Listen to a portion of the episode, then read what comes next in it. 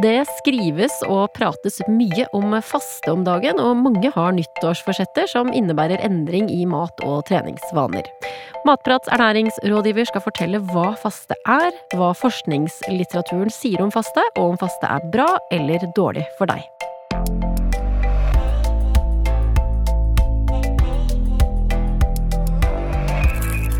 Velkommen til årets første Matprat-pod. Jeg heter Katrine Ude, og sammen med meg i studio i dag er ernæringsrådgiver i Matprat, Eileen Lundekvam By. Hei. Hallo.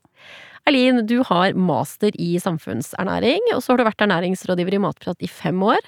Og jobben din den består av, i tillegg til at du skal gi råd om kosthold og ernæring til alle som bruker matprat, så skal du også være godt orientert om studier og forskningslitteratur. Ja og også nye trender på kosthold og dietter som vi ser at eh, folk er opptatt av. Mm. Og nå er det faste som går som en eh, farsott over landet. Hva, hva tenker du om denne fastetrenden som eh, mange er opptatt av om dagen? Som du sier, så kommer det stadig nye trender og dietter, og januar er høysesong for det. Og jeg forstår at det kan være spennende og gøy å teste ut nye spisevaner, og samtidig så er vi ofte på søken etter nye løsninger på våre problemer, og ofte er mat og kosthold et virkemiddel for det. Når vi i Matprat snakker om kosthold, så er det et variert og balansert kosthold med vanlige matvarer som vi anbefaler. Og dette er basert på Helsedirektoratet sine kostråd. Og så vil jeg bare understreke at alle råd jeg gir som er næringsrådgiver, og som vi i Matprat gir, det er til friske personer. Og Helsedirektoratet i dag de har ikke et eget kostråd for måltidsrytme eller faste, men de sier generelt at vi bør spise regelmessig. Mm. Hvorfor er eh, stoff om faste og andre dietter så utrolig populært? Ja, um, jeg tror det er at mange vil ha en quick fix. Vi vil ha raske, enkle løsninger. Bare gjør det her, så får du det så mye bedre. Og det har vært mye om faste både i aviser og SoMe de siste årene. Eh, både fra fagfolk og fra influensere. Noe av informasjonen er det litt hold i, og faste og helse er et spennende felt som er under utvikling. Samtidig så er det viktig at man er litt kritisk når man leser. Og sjekker kilder, og her bør vi lene oss på systematiske kunnskapsoppsummeringer. Og være litt oppmerksom på at det er ganske mange sånne personlige suksesshistorier ute og går. Så, så, de fagfolka da, som da rådgir den norske befolkningen om kosthold, de, de går liksom ikke ut og direkte anbefaler eh, faste. Eh, og så vet vi jo at eh, folk ikke alltid, og kanskje for sjelden, hører på fagfolk, enten det gjelder penger, søvn eller mat. Eh, så mange der ute, de vil nok likevel hive seg på fastetrenden. Hvorfor hører de ikke på fagfolk? Um, vi blir påvirka av influensere og sterke stemmer med gode historier. Og man kan jo lese seg til mye info på nettet, og ikke alltid like lett å tolke den informasjonen man finner selv på riktig måte. Og så man, ja, man søker etter de optimale løsningene for akkurat seg selv, og vil ikke ha generelle råd, og noen syns kanskje da vi blir litt for kjedelige når vi sier at ja, men vanlig mat, variert av vanlig mat er bra, og spis regelmessig, at det er godt nok. Uh, ja. Mm. Men mange er jo sånn ja, diett og evighetsslankere, at de får stadig nye diller. Jeg har liksom et par venninner som stadig, stadig holder på med nye ting eh, innen, innen, mat og kosthold. Hvorfor lærer ikke de etter liksom at fem quick fixer ikke funker, at det faktisk ikke funker med quick fix? Jeg tror vi er håpefulle, og at akkurat denne gangen så kommer det til å funke. Denne kuren da det kommer til å være helt annerledes, og det funker bedre enn alle de andre raske løsningene jeg har prøvd på. jeg ler litt av det, da. ja, det, ja, det, er jo lov, det. Ja, skal vi ta det litt seriøst, da? At folk prøver, og at de har kanskje noen uh, reelle utfordringer de um, de sliter med, som de prøver å finne ut av.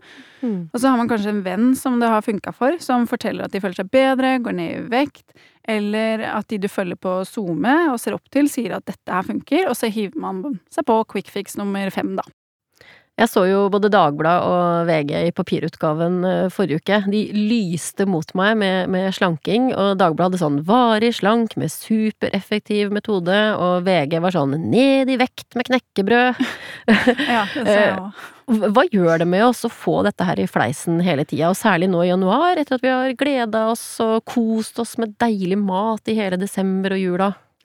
Nei, jeg tror for mange så kan det skape dårlig samvittighet og en følelse av utilstrekkelighet. Og ja, at det nå blir fortalt at eh, vi trenger å gå på en kur.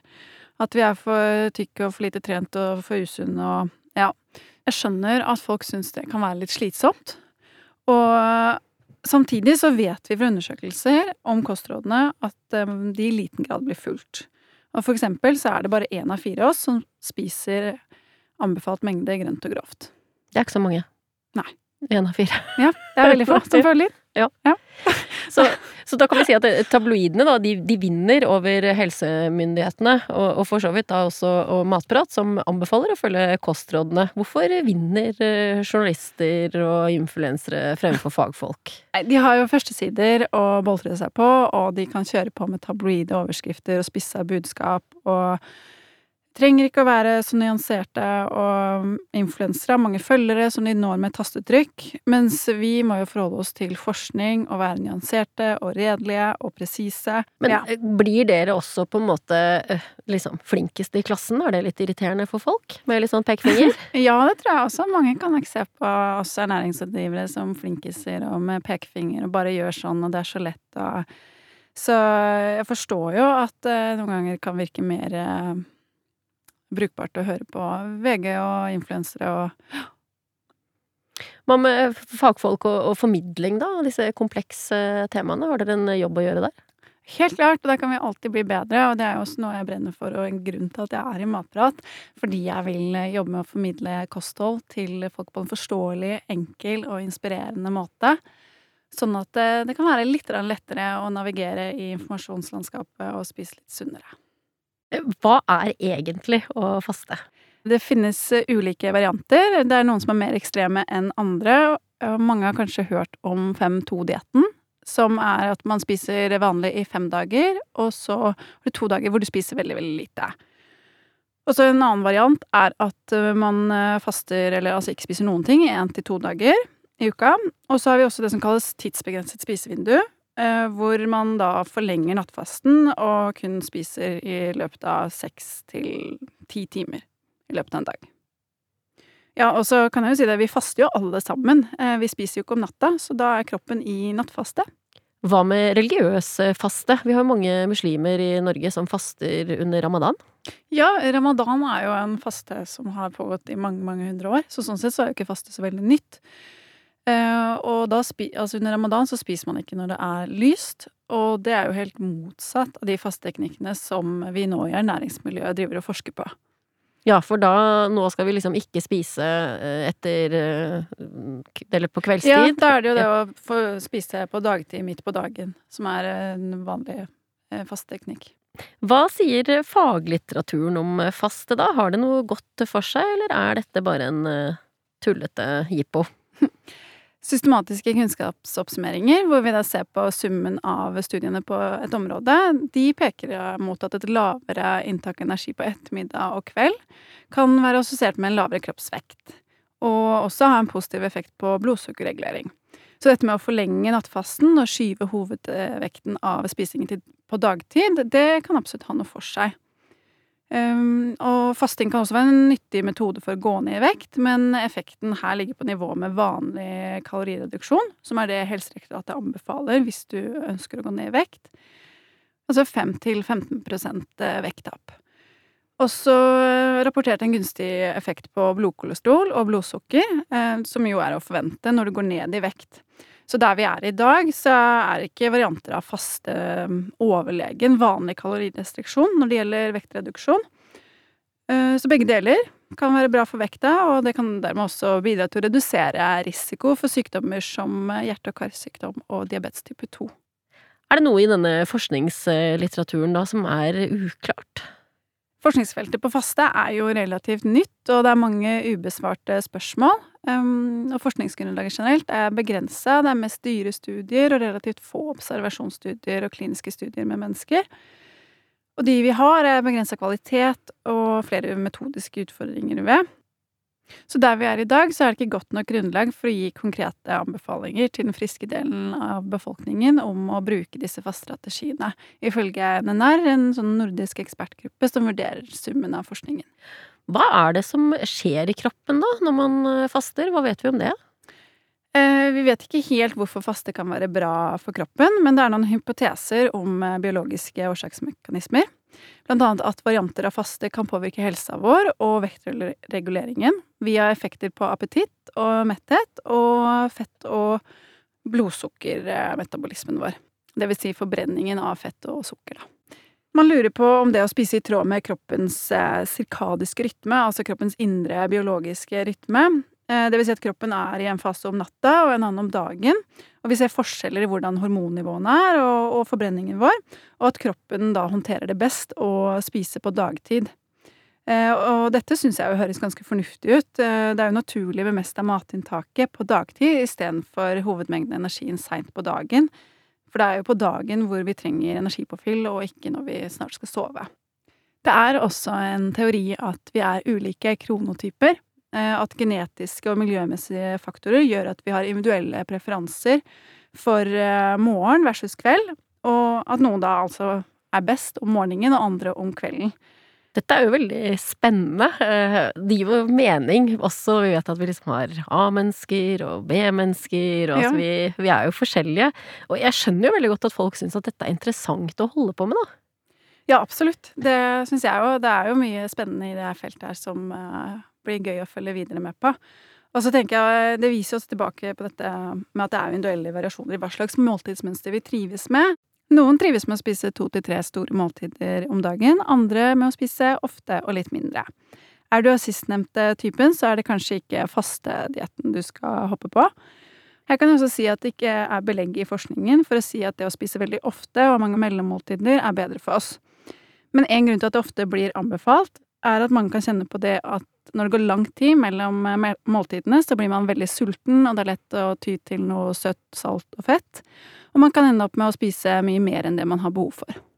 Hvis man likevel, etter å ha hørt på deg nå, eh, får lyst til å prøve faste, hva er det viktig å tenke på da?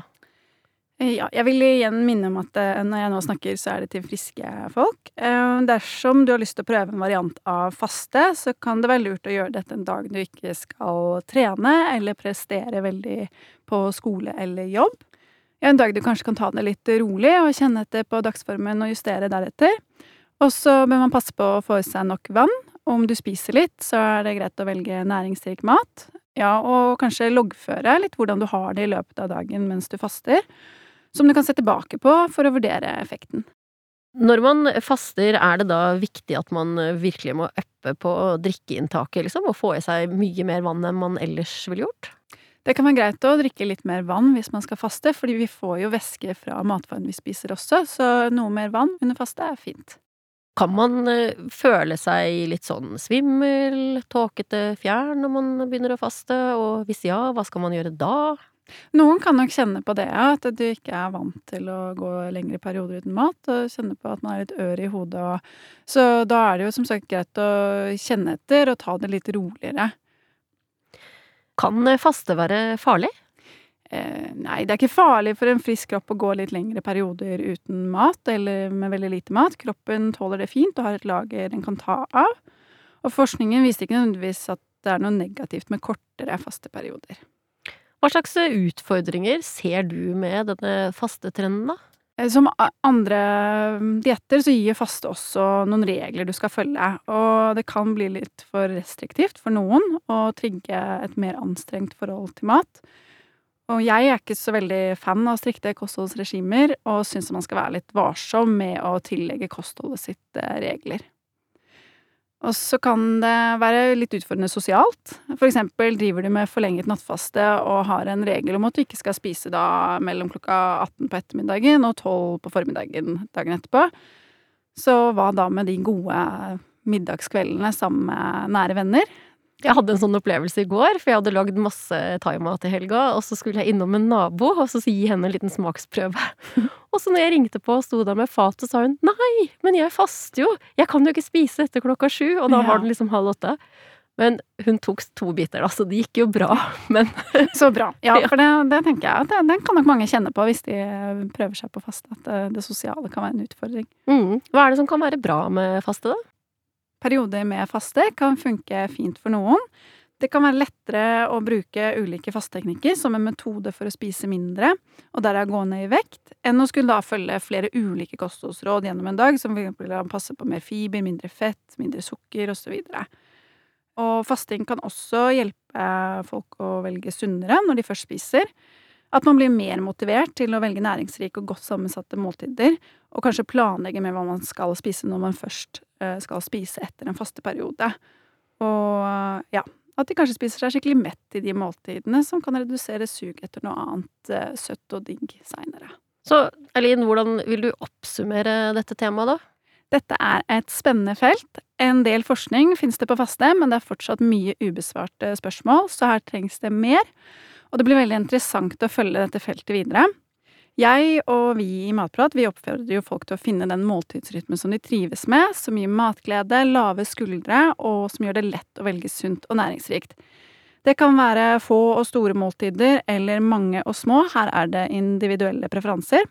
Og trolig så er det ikke antall måltider som er avgjørende for vekt eller helse, men hva du spiser, og at du ikke spiser mer enn det du trenger.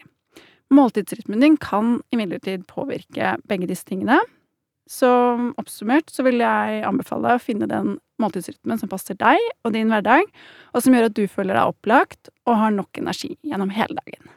Ja, det var en fin oppsummering. Og hvis du som lytter på har spørsmål om faste, andre dietter du har lest om, har lyst til å prøve, eller om kosthold generelt, så kontakt oss på våre sosiale mediekanaler eller på e-post. Vi høres!